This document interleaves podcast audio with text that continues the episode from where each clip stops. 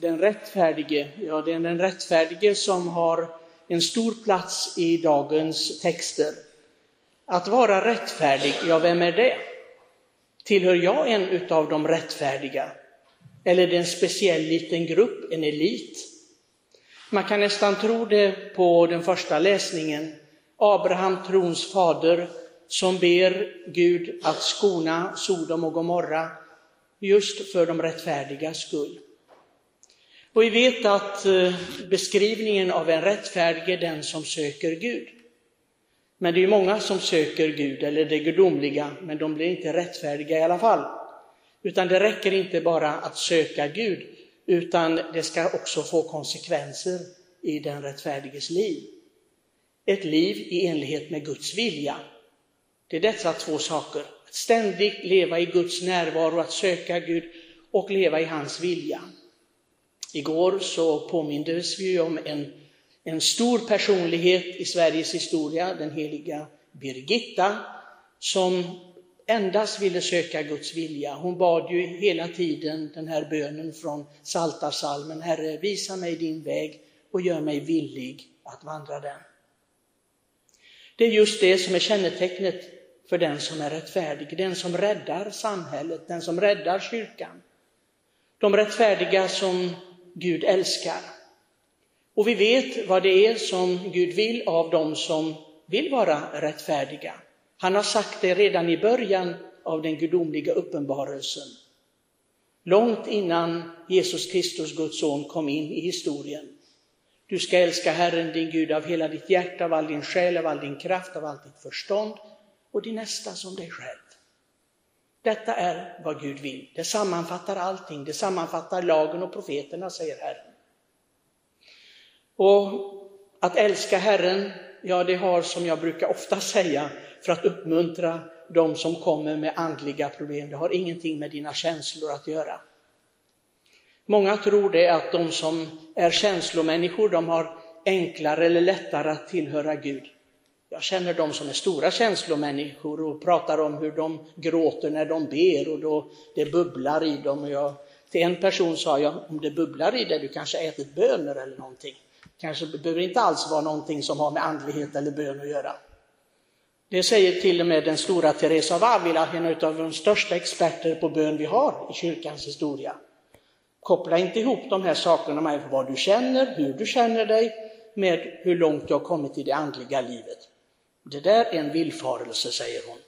Akta dig för det. För den onde fienden, djävulen, vill oftast lura oss med det. Vi känner oss lugna och trygga och då tror vi att allting är bra. Det är precis det den onde fienden vill. Precis det. Men den som är nära Gud, oavsett hur orolig den människan är inom sig, för det är många aspekter med det, hur vi är som personer och vår psykologi etc. Det har ingenting med närhet till Gud att göra. Utan det är hur vi lever. Den intentionen vi har att uppfylla Guds vilja och Jesus Kristus, Guds son, säger det tydligt och klart. Mer tydligt än då, så kan han inte säga det. Det är inte de som säger Herre och Herre som ska komma in i mitt rike, utan de som gör min himmelske faders vilja. Och vet precis vad Gud vill.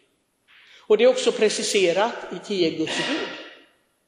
Och det är ingen som kan gå runt de här buden.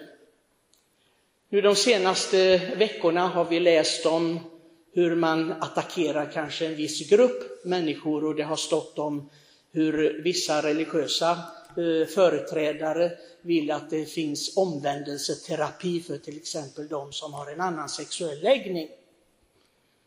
Och när jag läste detta så tänkte jag, vilken terapi ska vi ha för alla dem som inte tillhör en viss grupp men som ändå lever mot Guds vilja? De som lever i okyskhet, för det är ju det det handlar om, att leva i en viss sexuell läggning. Men alla de andra då, som inte har någon annorlunda sexuell läggning, som ändå inte lever kyskt, vilken omvändelseterapi ska vi använda för dem? Och det är väldigt många det. Jag har varit biktfader i över 30 år så jag vet. Det är ingenting som är hemlighet för mig. Vi ska inte utpeka en viss grupp i samhället och säga att de är syndigare. Ja, men det står ju fader om Sodom och Gomorra. Det var väl det det handlade om. Låt mig förklara en sak. Sodomi, det betyder perversiteter och pervers, det kan många vara. På olika sätt. Det handlar inte om en viss grupp. Det handlar om någonting som var och en kan utsättas för. Och kyrkans lära är mycket tydlig på den punkten. Alla sexuella fantasier, till exempel så det är en form av sodomi, mina kära vänner, det är det, för det är emot sjätte budet. Jag läste en mycket dum biktspegel som tyvärr var utgiven av katoliker. Jag fattar inte var de har läst sin katekes någonstans. Där stod det när det gällde sjätte budet, om vi nu uppehåller oss vid det, för det tänker man ju på när man tänker på Sodom och Gomorra. Ja, då står det, de som gör andra besvikna. De är så skyldiga mot sjätte budet, de som gör andra besvikna. Vad i all sin dag betyder det? De som gör andra besvikna i sängen, eller? Vad, vad är det för dumheter? Sjätte budet är sådant när du använder din sexualitet mot Guds bud. Du är inte gift och då ska du vara kysk. Och även gifta ska vara kyska på ett visst sätt. De ska inte ägna sig åt vad som helst. Gud har aldrig gett tillåtelse till det. Men sen har vi inte bara det budet, vi ska inte fixera oss bara som påve Franciscus säger vid sjätte budet. De andra buden då?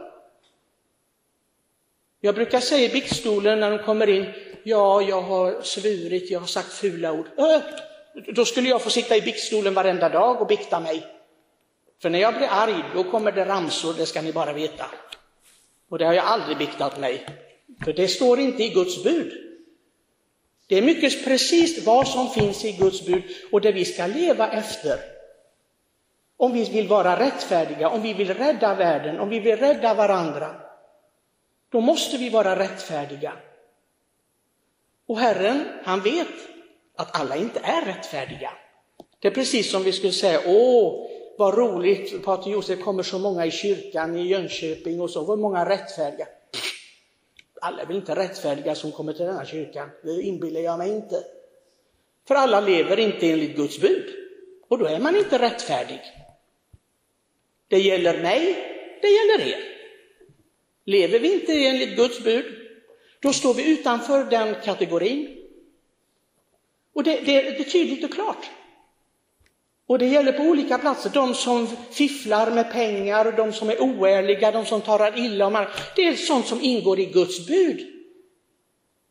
Och så, ja, men jag är inte äktenskapsbrytare, jag, är inte, jag tillhör inte de här rörelserna, jag gör inga sådana här perversa grejer. Äh, du kan vara pervers på många andra sätt. Att du lever mot Guds bud, det är perverst. Därför att människan har en enda uppgift i livet och det är att söka Guds rike. Den enda uppgiften vi har fått av Gud, ingen annan. Gör så att du räddar din själ. Gör jag det? Gör jag det? Annars är jag en av invånarna i Sodom och Gomorra.